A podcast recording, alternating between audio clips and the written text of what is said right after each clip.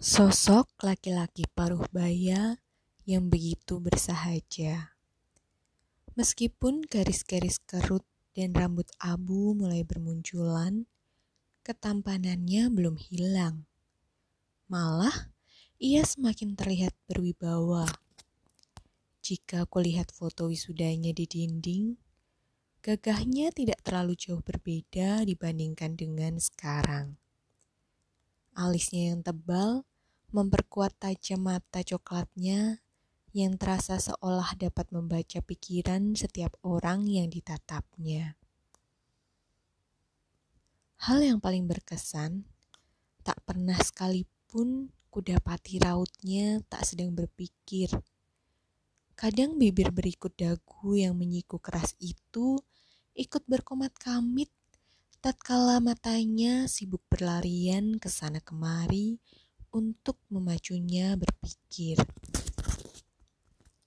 Dan yang paling gila, ia benar-benar hafal bagian per bagian Jakarta. Bukan soal hafal peta, tetapi ia tahu sejarah dan legenda kota setiap tempat yang kusebut. Bahkan dari era ketika ia sendiri belum lahir. Pada awal perbincangan basa-basi kami, ketika aku menyebutkan di mana aku tinggal, ia langsung tahu bahwa di seputaran rumahku dulu adalah tempat pengangkutan batu bata hingga kisah seorang anak nakal yang dikubur hidup-hidup oleh orang sekampung. Dia, salah satu sosok yang paling kukagumi selain ayahku dan kekasihku. Tak heran, kini ia memiliki seorang istri yang begitu rupawan dan rumah yang senyaman ini. Meskipun itu bukanlah ukuran mutlak dari sebuah kesuksesan, ku yakin dari caranya bercerita, ia adalah orang yang tak tak tak tahu benar yang tahu benar bagaimana cara menikmati hidup. Kuharap kekasihku yang telah mengikuti jejaknya kelak akan sehebat dia. Rantau. Delapan. Tangan terakhir. Batukku cukup lama terhenti. Tenggorokan terasa sangat kering seusai bercerita berjam-jam. Sudah lama sekali aku tidak bicara sepanjang ini. Mungkin durasi pertemuan kami melebihi satu set film Lord of the Ring yang dulu kutonton ketika masih muda. Minum dulu, Pak. Usul gadis itu. Iya, terima kasih. Aku menarik secangkir teh dari hadapanku dan kuteguk perlahan-lahan hingga membasuh mulut yang kering dan tenggorokan yang perih. Kejadian ini persis ketika aku bertamu ke setiap orang yang pernah memiliki mobil pemberian ayahku. Pemberian ayahku 25 tahun silam. Seorang gadis belia yang mungkin baru habis masa remaja sedang terduduk manis di hadapanku. Terpancar kecerahan di matanya yang menyala-nyala penuh semangat. Rambut hitam pekatnya menggulung keluar dan jatuh lurus hingga ke bahu. Sinar matanya yang begitu hidup itu membuat siapa pun yang menatapnya melupakan parasnya yang sebenarnya tidak terlalu rupawan. Di sampingnya duduk seorang laki-laki yang kira-kira seusianya. Wajahnya begitu ketus dan tak acuh. Mata bulatnya bersembunyi dari balik kacamata berpingkai tebal. Rambutnya ikal dan tidak rapi, benar-benar setelan seorang mahasiswa yang cuek. Kakinya mengangkang dengan celana jin kumalnya. Kedua tangannya diselipkan di saku perut jaket hitam. Jadi, kamu mau bertanya apa lagi? Mengapa kisah yang baru Bapak ceritakan semuanya serba kebetulan? Maaf, terasa mengada-ada, seperti cerita-cerita fiksi, seperti dalam film. Maksud kamu? Tanyaku menyatukan persepsi dengannya. Iya, mengapa Bapak sebagai seorang tokoh utama dalam cerita ini adalah seorang arkeolog, penyuka barang antik, dan mengerti sejarah. Secara kebetulan menemukan mobil yang juga antik. Padahal mobil itu ditemukan bukan karena Bapak mencari sebagai seorang arkeolog. Ibarat dalam film atau novel, tokoh utama pasti secara kebetulan menemukan sesuatu yang sama dengan latar belakangnya. Aku tertawa renyah. Kebetulan katamu. Masih ingat kata-kata Kohkin ketika aku mengunjunginya di kelenteng? Ia menyeringai sembari menjawab. Lupa. Tidak ada asap, hanya teh. Tidak ada ibadah, tidak ada kelenteng tidak menemukan kelenteng, kamu tidak akan ada di sini. Tidak ada teh, kamu tidak tahan di sini. Terus saja mengurusi batuk. Maksud beliau adalah tentang hubungan sebab akibat. Wah, Pak Ranto benar-benar ingat. Tapi apa hubungannya, Pak? Lihat hubungannya. Suka penyuka sejarah dan benda antik. Sebab itu saya masuk jurusan arkeologi. Karena saya suka benda antik, ayah saya membelikan barang antik. Karena sudah dibelikan tapi tak tersampaikan, saya cari benda itu. Bayangkan juga, jika saya bukan arkeolog, belum tentu mobil itu ada di tangan saya. Dan tentu tidak ada petualangan. Bagaimanapun, tidak ada yang kebetulan. Paham? Ia langsung tersipu malu pada argumennya yang patah berbilah-bilah. Yang saya masih bingung, Pak Rantau, kalau Anna memang menginginkan mobil itu dari awal, mengapa dia tidak langsung mengaku saja kalau dia yang punya mobil itu saat pertama kali bertemu dengan Bapak? Aku tersenyum simpul, lalu melepas jam tanganku dan kuletakkan di atas meja. Sekarang begini, misalnya kamu menemukan jam tangan ini di atas meja. Kemudian kamu bertanya, ini jam tangan siapa? Lalu ada yang dengan sigap bilang, itu punya saya. Apa kamu bisa langsung percaya begitu saja? Sementara masih ada kemungkinan jam tangan ini milik orang lain, dan kebetulan banyak yang menginginkan jam tangan ini. Apalagi tidak ada bukti yang menunjukkan kalau jam tangan ini milik saya. Ucapku sambil mengacung-acungkan telunjuk pada jam tanganku. Ya setidaknya pasti ada orang yang mengaku-ngaku pemiliknya akan mengarang cerita supaya lebih meyakinkan. Entah bagaimana benda itu pernah dimilikinya, bagaimana barang itu bisa hilang, atau lebih meyakinkan lagi kalau keikut sertakan, mengikut sertakan orang lain yang bersaksi kalau itu memang miliknya. Gadis itu mengangguk cepat, sementara temannya masih duduk berdiam pelit interaksi. Semenjak mendengar ceritaku di rumah ini, ia hanya bungkam dalam renungan. Ia menyelipkan kedua tangannya dalam kantong jaket, menunduk, tatapannya kosong ke arah meja di depanku. Lelaki putih berambut ikal itu terlihat berpikir sangat keras, seperti ingin mengutarakan sesuatu, tetapi belum siap benar.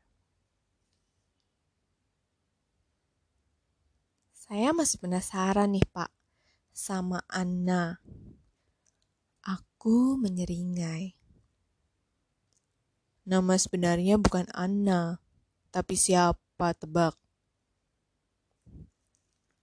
Gadis itu mengerutkan dahi dan menggeleng ragu. Leona, ucapku. Leona? Sepertinya saya pernah dengar nama itu. Aku tersenyum simpul. Masih ingat nama yang ada di dalam novel yang dipegang Anna saat pertama bertemu denganku? Oh iya. Ya, N. Leona. Tapi bukankah itu nama pemilik novel itu? Teman dari Anna? Aku menggeleng. Justru itu nama asli Anna. Sebenarnya novel itu ya punya dia. Sebab itu dinamai dengan namanya sendiri. Anna itu hanyalah nama samaran saat ia memperdayaiku. Coba tebak, ide nama Anna itu terpikir olehnya dari mana? Anna Karenina, novel yang dipegangnya waktu itu. Jawab Gadis itu tangkas. Oh iya. Dan Leo, nama suaminya, diambil dari Leo Tolstoy, sang pengarang novel itu. Lanjutnya, itu seakan-akan begitu terkejut setelah menyadari semua itu. Seratus buat kamu. Memang orang itu tidak kreatif dalam mengarang nama. Lagi pula, coba ingat-ingat saja cerita saya. Apa pernah orang rumahnya bilang kalau nama perempuan itu Anna? Anna minta supaya kalau saya masuk rumah, langsung masuk saja. Tidak usah tanya-tanya penjaga rumah lagi. Bagaimana? Bapak sampai tidak sadar kalau Leo, maksudku Peter, dan Leona itu pasangan suami istri. Sementara Bapak biasanya selalu menganalisis kondisi sebuah keluarga setiap bertamu ke rumah orang. Aku menghembuskan nafas. Biasanya dari foto keluarga kan? Itulah mengapa saya, saat saya pertama kali datang ke rumahnya, saya tidak diperbolehkan langsung masuk ke dalam rumah.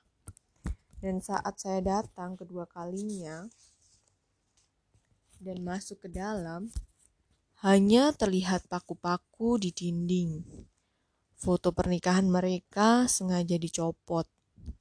Dan ketika saya putus hubungan dengan Leona, foto-foto itu kembali ke tempat semula, bukan? Gadis itu terlihat begitu takjub lalu semakin antusias. Pak, tolong jelaskan lagi. Sebenarnya apa motif Anda bersama suaminya menjebak Pak Rantau? Aku menghela nafas dan menyandarkan tubuh. Rasanya situasi ini benar-benar persis seperti saat aku bertandang ke rumah-rumah para pemilik mobil itu terdahulu. Dan kini giliranku yang menuturkan cerita-cerita masa lalu tentang mobil itu. Karena nilai dari mobil, emas, dan narkotika itu. Tapi pak, bukankah mereka sudah kaya? Untuk apa lagi harta-harta itu? Ah, sekaya-kayanya orang pasti masih tetap menginginkan harta. Lagi pula, yang kaya orang tua Peter. Rumah itu rumah milik Ellie. Meskipun mereka berselisih, Ellie dan Ben masih membiarkan anaknya tinggal di rumah itu. Sebenarnya Peter dan Anna hanya pasangan muda yang keuangannya biasa saja. Peter tanpa orang tuanya bisa apa? Lalu, apa kamu ingat mengapa di dalam rumah itu hanya ada sedikit perabotan? Karena itu bekas rumah tinggal orang tuanya, yang sebagian besar barangnya dipindahkan ke rumah Eli sendiri di Pondok Indah. Gadis itu terbelalak setelah menyadari bahwa kisah ini semakin pelik. Keluarga itu bertengkar dan terpisah. Sebab itu, Leo mencari penghasilan dengan jualan narkotika. Jadi, narkotika itu bukan milik Rusdi? Betul, emas itu yang milik Rusdi. Faktanya, Rusdi tidak sejahat itu. Dalang di balik pencarian emas itu Rashid, yang sebenarnya tidak sepaham dengan Rusdi. Memangnya Pak Rantau sudah tanya Rusdi? Sekarang saya mengenal Rusdi dengan baik, balasku.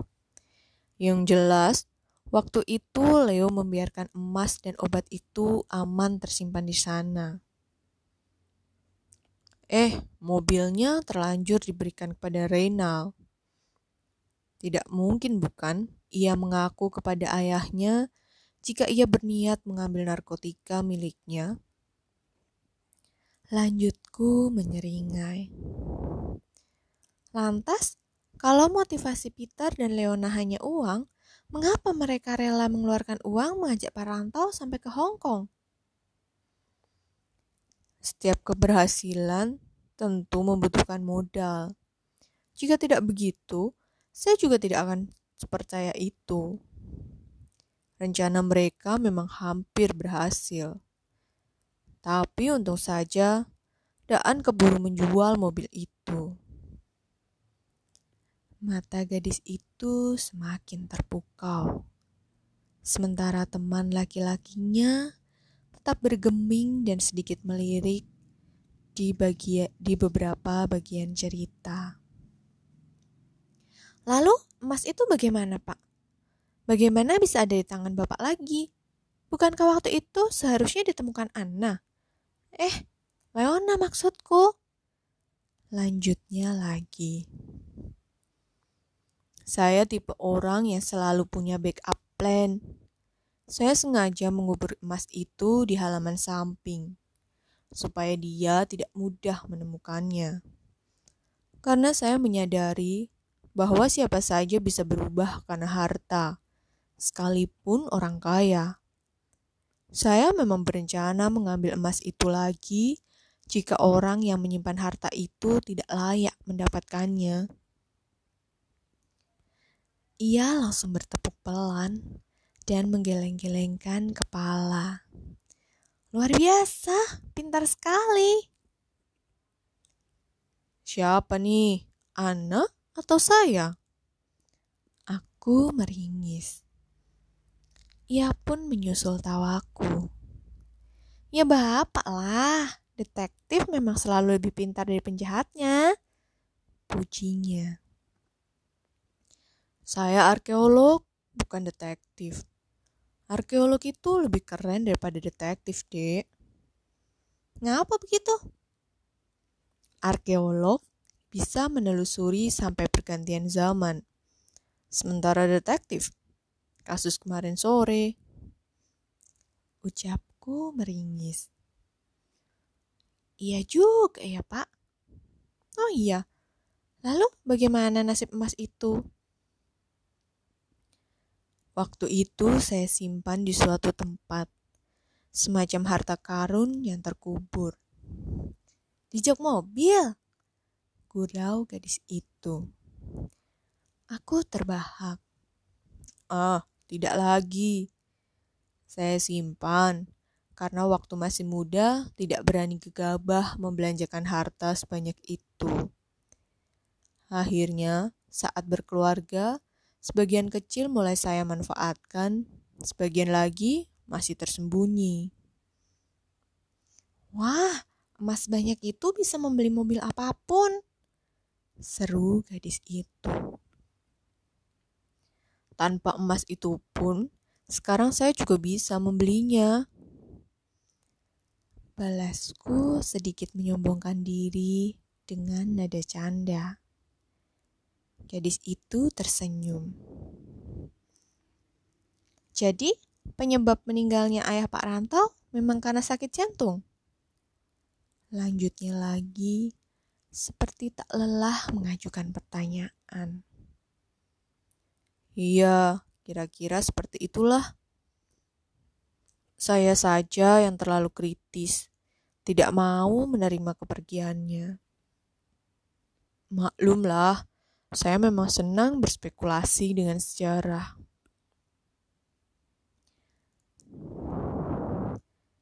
Ia mengangguk setuju.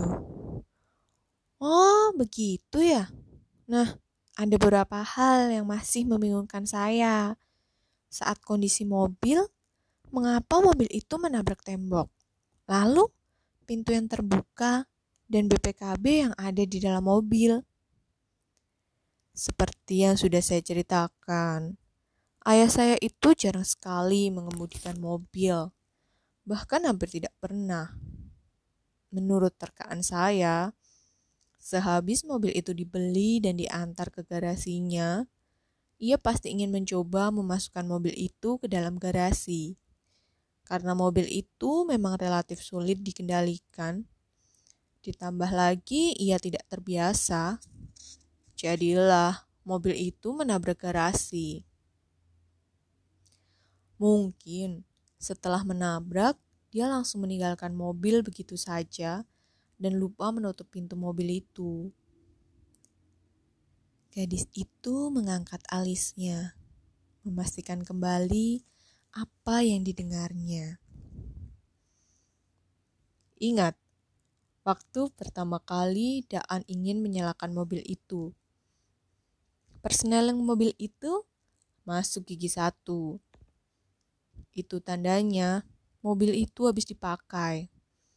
Lalu ditinggalkan begitu saja di depan tembok garasi. Dan luka lebam di kening ayah saya berasal dari kepalanya yang terantuk setir mobil saat mobil itu menabrak tembok depan. Saat kulihat bekas tabrakannya, memang cukup untuk membuat memar. Dan jika kukira-kira postur tubuh ayahku dan tinggi setir itu, lukanya cukup pas. Ketika berada di dalam garasi, mana ada orang yang berpikiran untuk memakai sabuk pengaman? Jangan-jangan ayah Pak Rantau meninggal karena serangan jantung saat menabrak mobil itu. Terka si gadis. Nafasku tertahan seketika. Ya, itu pula yang saya pikirkan. Mungkin ayah saya masih berusaha merangkak hingga sampai ke dapur rumah. Karena jenazah ayah ditemukan di dapur ruangan yang tidak terlalu jauh dari garasi itu. Kamu jeli juga, dek. Aku kembali menghela nafas. Nah, soal BPKB yang ada di laci mobil juga tak jauh berbeda. Namanya juga baru dibeli dan baru diantar. BPKB itu masih ditaruh penjual sebelumnya di laci mobil. Belum sempat dipindah oleh ayah saya.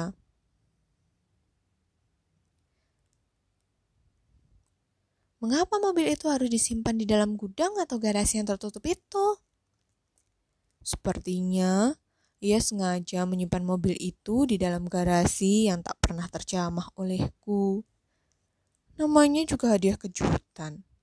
Pasti ayah takut kalau-kalau aku mendadak main ke rumahnya dan tahu tentang mobil itu. Oh iya, kamu ingat kardus yang ditemukan di dalam bagasi mobil? Ah iya, bersama dengan sekaleng cat dan kain putih. Jadi, itu semua untuk apa? Kamu pernah dikasih surprise ulang tahun? Gadis itu terdiam dan memicingkan mata. Oh, jadi tidak pernah dikasih surprise sama teman sebelah kamu ini? Sindirku tajam hingga membuat laki-laki itu melirik sinis. Saya mengerti Pak Rantau. Pasti cat itu untuk mencoret-coret kain putih. Untuk dibalutkan ke sekeliling mobil itu dengan tulisan Congratulations for your graduation atau apa pun sejenisnya di atas kain. Ayah Pak Rantau romantis sekali. Itu tebakan atau ekspektasi your birthday surprise berikutnya. Aku menyeringai puas membuat laki-laki di sampingnya menahan keki. Tapi jawabannya benar kan? Aku mengangguk tersenyum, melihat semangatnya mendengarkan penuturan orang-orang zaman dulu. Aku semakin teringat pada diriku pada masa-masa silam. Tapi dengan pikiran kritis Bapak, apa Pak Rantau tidak pernah menduga kalau mobil itu memang dibeli oleh ayah Pak Rantau? Kamu belum kenal ayah saya saja. Mungkin kamu bisa menebaknya. Tapi tidak demikian dengan saya yang memiliki ayah seperti itu. Terlalu banyak alasan yang membuat itu terasa mustahil. Pertama, selama ini ia sama sekali tak pernah mendukung hobi saya. Dan yang kedua, sejujurnya, ayah saya sedikit memaksakan diri membeli mobil itu. Mobil itu terlalu mahal jika dibandingkan dengan taraf ekonomi ayah saya. Karena itulah saya jadi terharu sekali ketika mengetahui bahwa ayah membeli mobil itu untuk saya.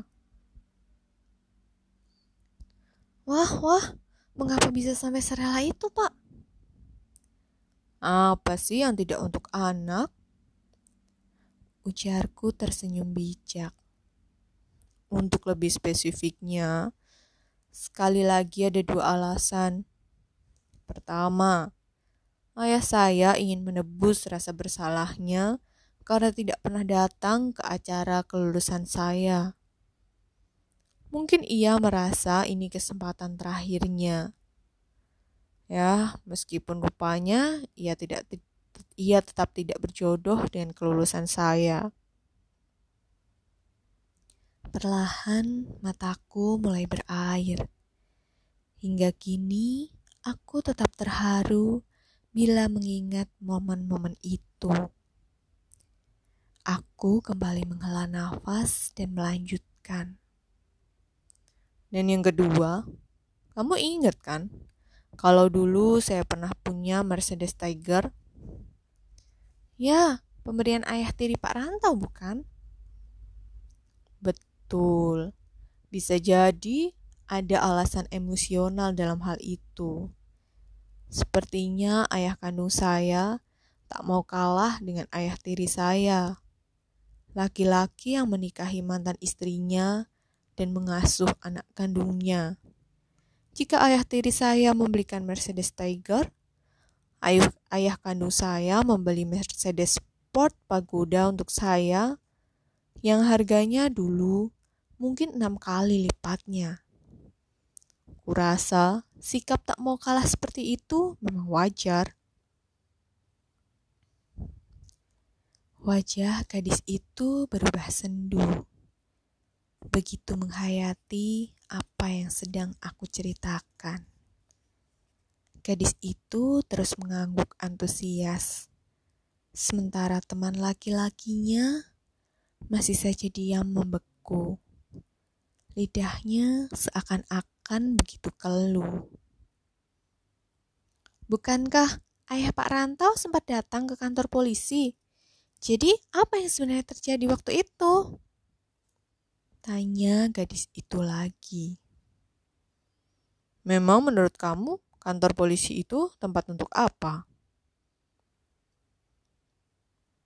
Pengaduan kriminal, Pak. Ya sama ngurus surat keterangan kelakuan baik dan surat kehilangan sih. Jawabnya yakin. Aku tertawa klise. Krisis sekali. Kamu pikir ngurus surat balik nama kendaraan itu perginya ke mana kalau bukan ke kantor polisi lalu lintas? Ia pun tertawa dan menggaruk kepalanya. Iya nih pak, saya bisa biasanya terima beres saja. Semua surat diurus sopir. Sebab itu tadi saya pikir ayah Pak Rantau mau melaporkan sesuatu.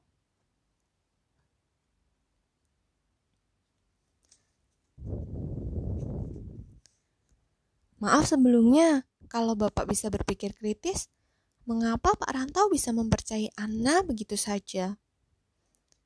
Seperti yang sudah saya ceritakan sebelumnya, Dek. Dek, siapa namamu? Dila, Pak. Iya, Dila. Saya itu mudah percaya sama orang lain, meskipun kritis.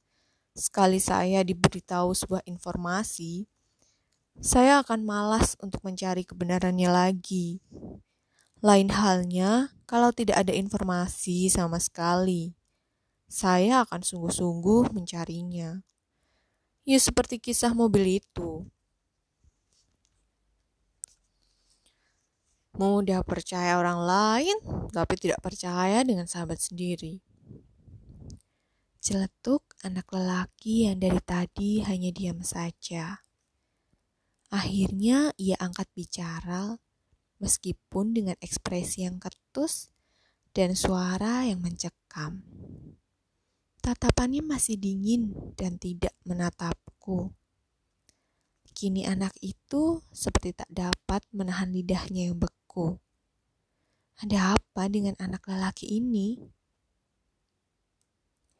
Maaf Pak Rantau, teman saya memang seperti ini kalau lagi mendengarkan cerita. Biasalah, di kampus dia sering seperti itu. Jelas Dila mencoba mengendalikan situasi. Ah, tidak apa. Dulu waktu mahasiswa, saya juga seperti itu. Kalau saya tidak senang, saya langsung bilang di depan umum, ucapku tenang. Sebenarnya, saya sudah pernah mendengar cerita itu sebelumnya. Lanjut anak laki-laki itu. Oh ya? Jadi kamu sudah bertualang sebelumnya? Lalu aku tersadar akan suatu hal. Tunggu, bagaimana kalian bisa menemukan saya? Sementara nama saya dan ayah saya tidak pernah ada dalam BPKB itu. Apalagi zaman sekarang, sekali balik nama, BPKB langsung diganti dengan buku baru dan nama yang lama pun hilang. Nah, seratus untuk kejelian Bapak, sahut Dila. Kamu ini malah ngasih nilai orang tua. Aku menggeleng-geleng. Dila tersenyum kambing, sementara teman lelakinya kembali diam. Kalau Pak Rantau menelusuri dari pemilik pertama ke pemilik terakhir, kalau teman saya ini tracking dari akhir ke awal. Ia bertanya ke pemilik-pemilik mobil sebelumnya, siapa yang dulu pernah memiliki mobil ini, dan akhirnya kini sampai ke Pak Rantau. Lanjut Dila. Oh iya, tanyaku semakin antusias dan menegakkan posisi duduk. Ada juga orang yang berpikiran seperti aku, seperti Ana lebih tepatnya. Memang siapa saja pemiliknya setelah saya? Akhirnya, anak lelaki yang bernama Bintang itu berkenan bicara. Tetapi masa dalam, masih dalam raut tanpa ekspresi. Sebelum saya ada Agus. Agus itu maklar mobil antik maklar nggak usah dihitung lah. Agus dapat dari Pak Gede, pengusaha dari Bali. Saya hanya ngobrol sebentar sama Pak Gede. Awalnya motif saya hanya ingin tahu soal part original dari mobil ini. Lama-lama senang juga kalau tahu sejarahnya. Nah, sebelum si Pak Gede itu, dari Koh Jaya. Dengan Koh Jaya, saya cuma ngobrol-ngobrol soal mobil. Nah, Si Kohjaya belinya dari Pak Daan. Sontak ekspresiku seketika berubah kala mendengar nama sahabatku yang satu itu. Kamu akhirnya bertemu Daan? Iya, ceritanya memang yang paling seru di antara pemilik yang lain. Jawab bintang dingin. Sementara ekspresi Dila turut berubah semakin serius. Bagaimana kabar Daan sekarang? Semenjak peristiwa itu, saya tidak pernah bertemu dengannya. Mengapa, Pak? Tanya Dila. Sebenarnya, mungkin saya bisa mencarinya di kampus, di kampungnya, atau masih bisa tanya orang lain. Hanya, saya sudah mengubur cerita itu. Saya tidak ingin lagi bertemu Daan. Bintang, apa saja yang diceritakan Daan. Itu yang ingin saya katakan dari tadi, Pak. Hanya saya takut jika Pak Rantau tidak percaya. Tidak apa-apa, ceritakan saja apa yang dikatakan Daan. Versi Daan lebih tepatnya. Memang seperti apa sih cerita yang menurut kamu seru itu? Jawabku dengan nada meremehkan.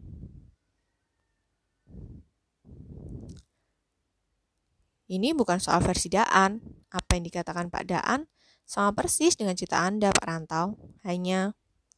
Hanya apa? Hanya Pak Daan punya cerita yang lebih lengkap.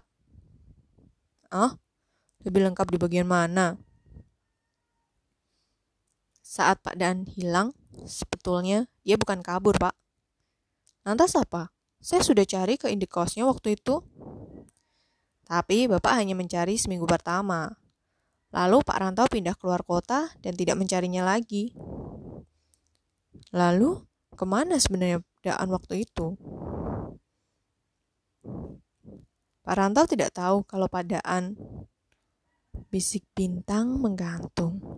Ya, Daan kenapa? Pak Daan... Rasa penasaran semakin menjadi. Kepanikan mulai melanda hati.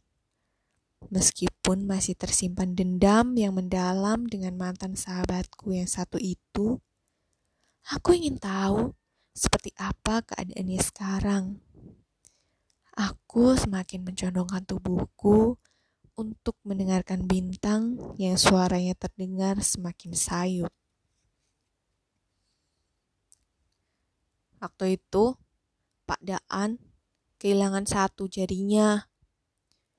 Jawab bintang lemas, seolah tak kuasa berkata lebih lanjut. Mataku langsung terbelalak mendengar kenyataan yang sadis itu. Begitu pula dengan raut wajah Dila. Wajahnya miris mendengar cerita bintang yang terasa bengis.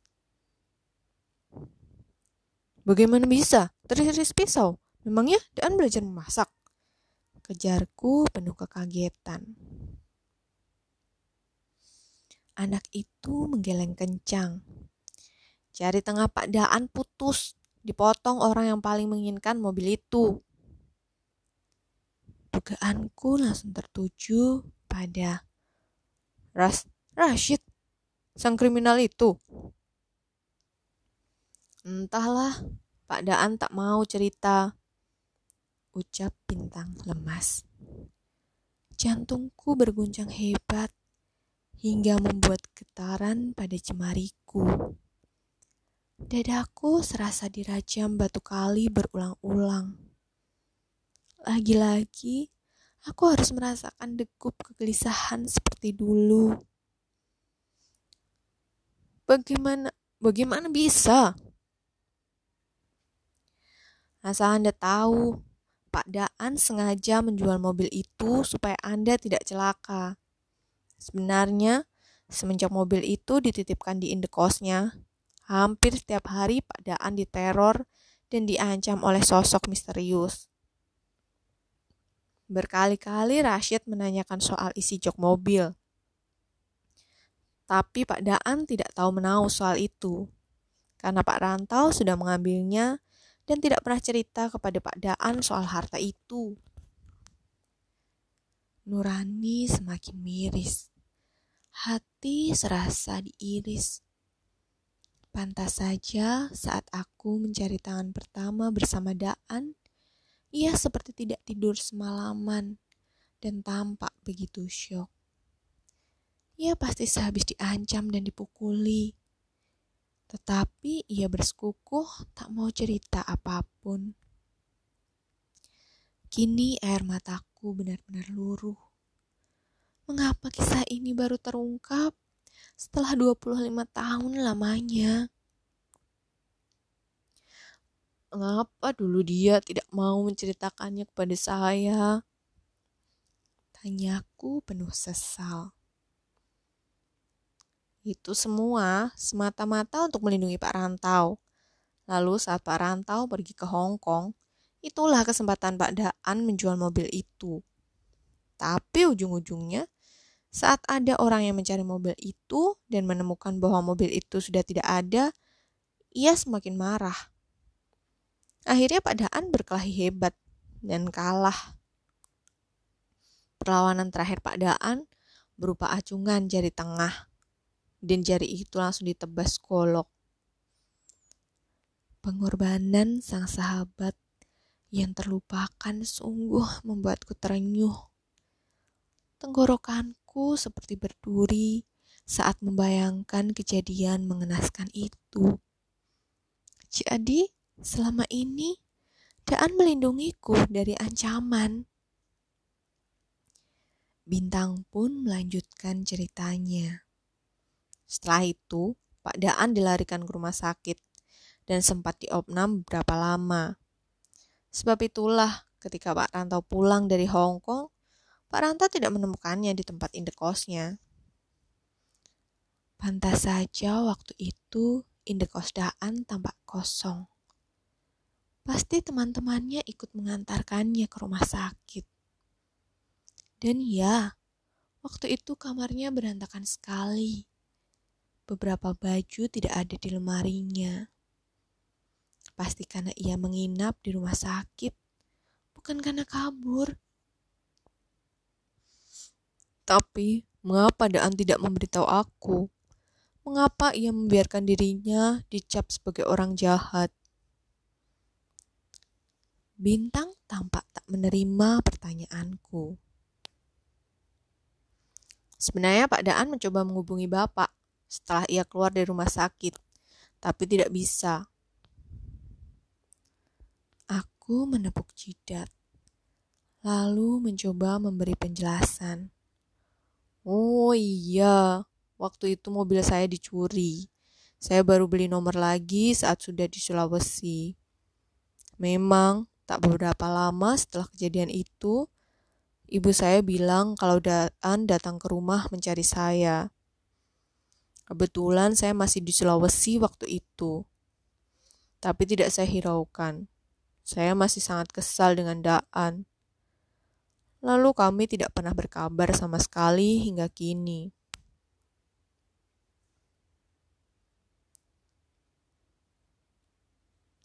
Lagi pula, jika Pak Daan langsung menampakkan dirinya, tentu Pak Rantau akan memburunya beserta mobil itu, dan akan berakibat buruk pada diri Pak Rantau sendiri tegas bintang.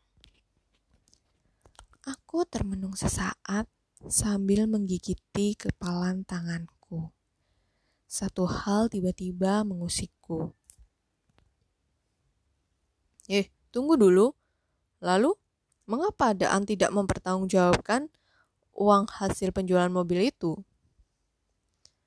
Kening bintang langsung berkerut dan lekas menyahut. Sebenarnya setelah mobil itu laku, uangnya sudah langsung distorkan ke rekening Bapak. Ke rekening saya? Benarkah? Daan memang tahu rekening saya sih. Aku berusaha mengingat-ingat dengan keras apa memang ada setoran uang ke rekeningku dengan jumlah besar. Mungkin waktu itu kira-kira terjualnya bisa ratusan juta. Memang bukan uang yang kecil. Tidak mungkin saya tidak menyadari ada uang sebesar itu masuk ke rekening saya kecuali kecuali uang yang ada di rekening Bapak sangat banyak. Sambung Dila. Untuk kedua kalinya aku menepuk keningku. Dan kali ini lebih keras sambil mengacung-acungkan jariku. Iya, iya, saya ingat. Setoran uang itu pasti tercampur dengan uang hasil penjualan rumah ayah saya yang ada di Bandung. Saya pikir itu seluruhnya hasil penjualan rumah. Pantas saja jumlahnya hampir miliaran. Setelah itu saya memasukkan semuanya ke rekening deposito. Tidak menyadari kalau ada uang daan yang tercampur. Saya tidak tahu jumlah pastinya. Karena yang mengurus penjualan rumah adalah ibu saya. Saya hanya ahli warisnya. Aku menggeleng-geleng penuh sesal dalam hati yang sangat pilu. Memiliki prasangka buruk selama puluhan tahun sungguhlah kejam. Aku mengacak-acak rambutku yang sudah perubahan ini. Akhirnya, aku pun siap untuk melakukan langkah berikutnya. Bintang, nanti bisa antarkan saya untuk bertemu dengan Daan. Kamu pasti tahu kan di mana rumahnya sekarang? Bintang pun mengangguk pelan. Untuk kali pertama di bibirnya tersirat senyum. Pak Daan pasti akan sangat senang menerima Anda di rumahnya. Sementara itu, Dila terlihat sibuk berpikir, seperti hendak menanyakan sesuatu. Kamu kenapa, Dila? Tanyaku. Tidak, Pak. Saya jadi ingat saja, pada awal cerita, saat Pak Rantau menemukan mobil itu, bukankah waktu itu ada sepasang sepatu mahal? Sepatu merah yang Bapak kira punya Elizabeth Mona. Oh iya, saya lupa menceritakannya. Kamu hebat juga, bisa ingat sampai awal cerita. Jawabku dengan senyuman. Ah, gila sih. Yang diingat memang sepatunya saja. Sahut bintang tertawa kecil. Raut dingin di wajah anak itu perlahan mencair. Ada sedikit canda dalam dirinya. Dila pun tersipu disusul dengan tawa kecilku. Nah, begini. Jadi beberapa minggu setelah itu, saya menceritakan semua yang saya alami kepada ibu saya. Ibu saya memang tidak men memang tidak tahu apa-apa soal itu. Lalu apa yang terjadi? Dila mendekatkan wajahnya, semakin antusias mendengar ceritaku.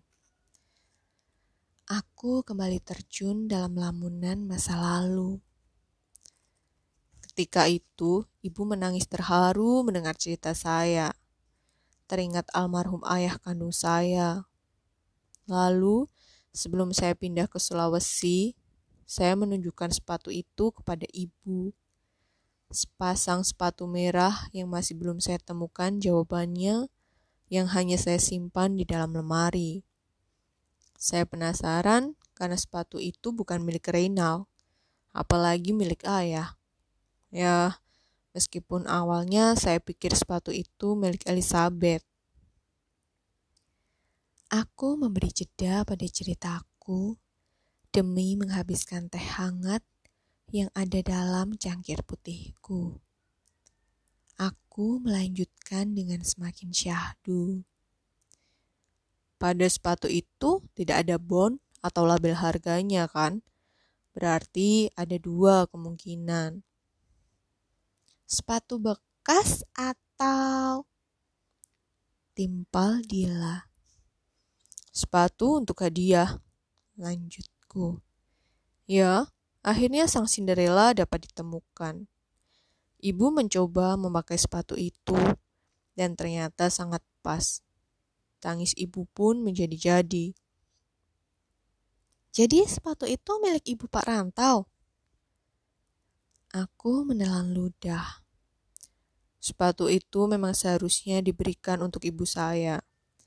Ukuran 39, berwarna merah delima favoritnya, dan dengan merek kesukaannya. Dila terlihat menjadi bingung. Lalu, mengapa sepatu itu bisa ada di mobil? Dila, kamu ingat cerita ketika saya di wisuda? Hari itu bertepatan dengan hari apa?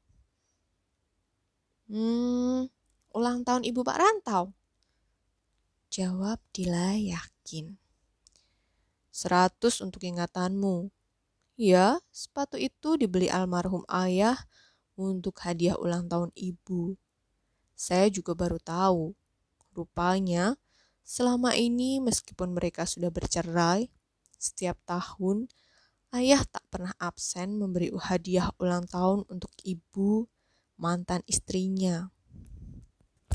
Jelas saja saya tidak tahu.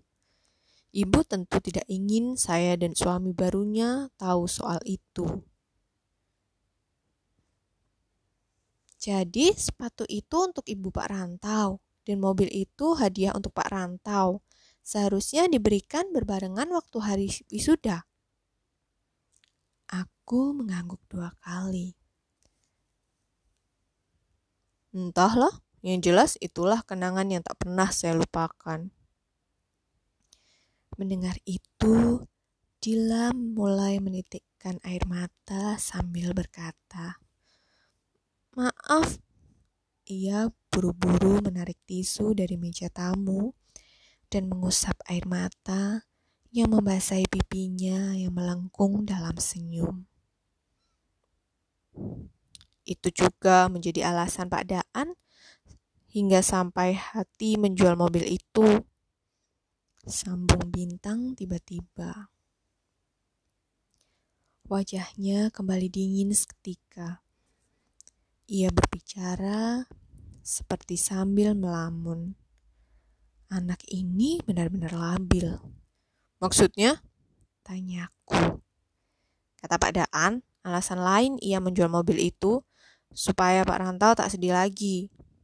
Jika Pak Rantau terus bersama dengan mobil itu, ia takut Pak Rantau tidak bisa lepas dari kenangan itu. Mengapa ia bisa berkata begitu? Sebenarnya, Pak Daan sudah menduga kalau mobil itu pasti punya ayah Pak Rantau. Ia juga selalu berkata kalau Pak Rantau punya kebiasaan menganalisis dengan sangat rumit. Sampai-sampai hal yang sebenarnya mudah ditebak dan sederhana menjadi spekulasi yang luar biasa. Mungkin sudah banyak orang yang terikut pada asumsi Pak Rantau seorang ketika mengikuti semua cerita ini. Karena segala cerita ini tentang sudut pandang Pak Rantau. Aku langsung tertohok begitu mendengar ucapan pahit dari bintang. Semua ini memang salahku yang berpikir terlalu jauh seperti kebiasaan seorang arkeolog kacangan. Aku mengerutkan dahi dan semakin berpikir takjub atas apa yang sebenarnya terjadi. Mengapa ia diam saja kalau ia tahu yang sebenarnya? Justru itu, Pak.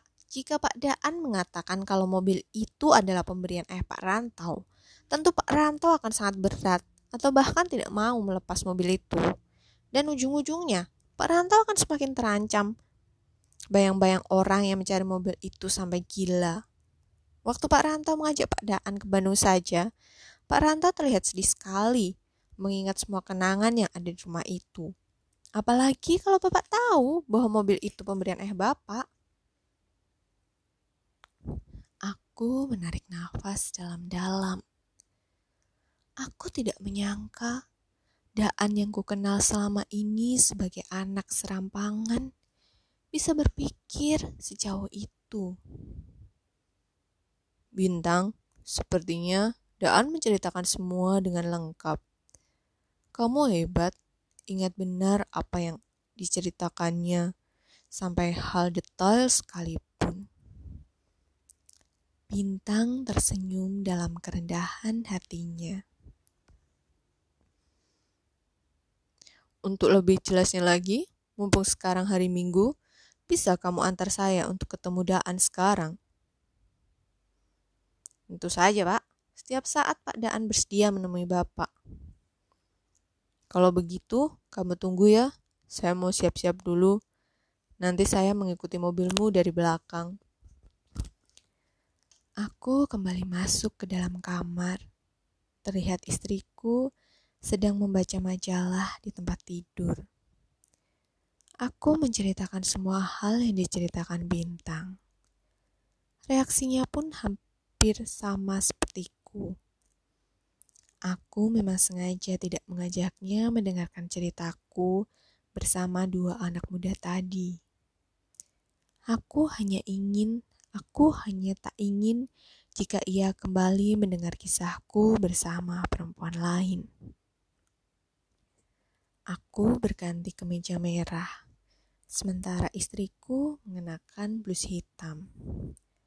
Kuhentikan langkah di pintu kamar dan mengembuskan nafas panjang. Sejujurnya, Aku masih belum siap mental untuk bertemu dengan Daan. Apa yang harus kukatakan kepadanya nanti? Seribu permintaan maaf pun rasanya tidak akan cukup untuk bisa menebus prasangkaku selama ini. Istriku membelai punggungku. Lebih baik kamu awali dengan meminta maaf. Tidak ada yang terlambat.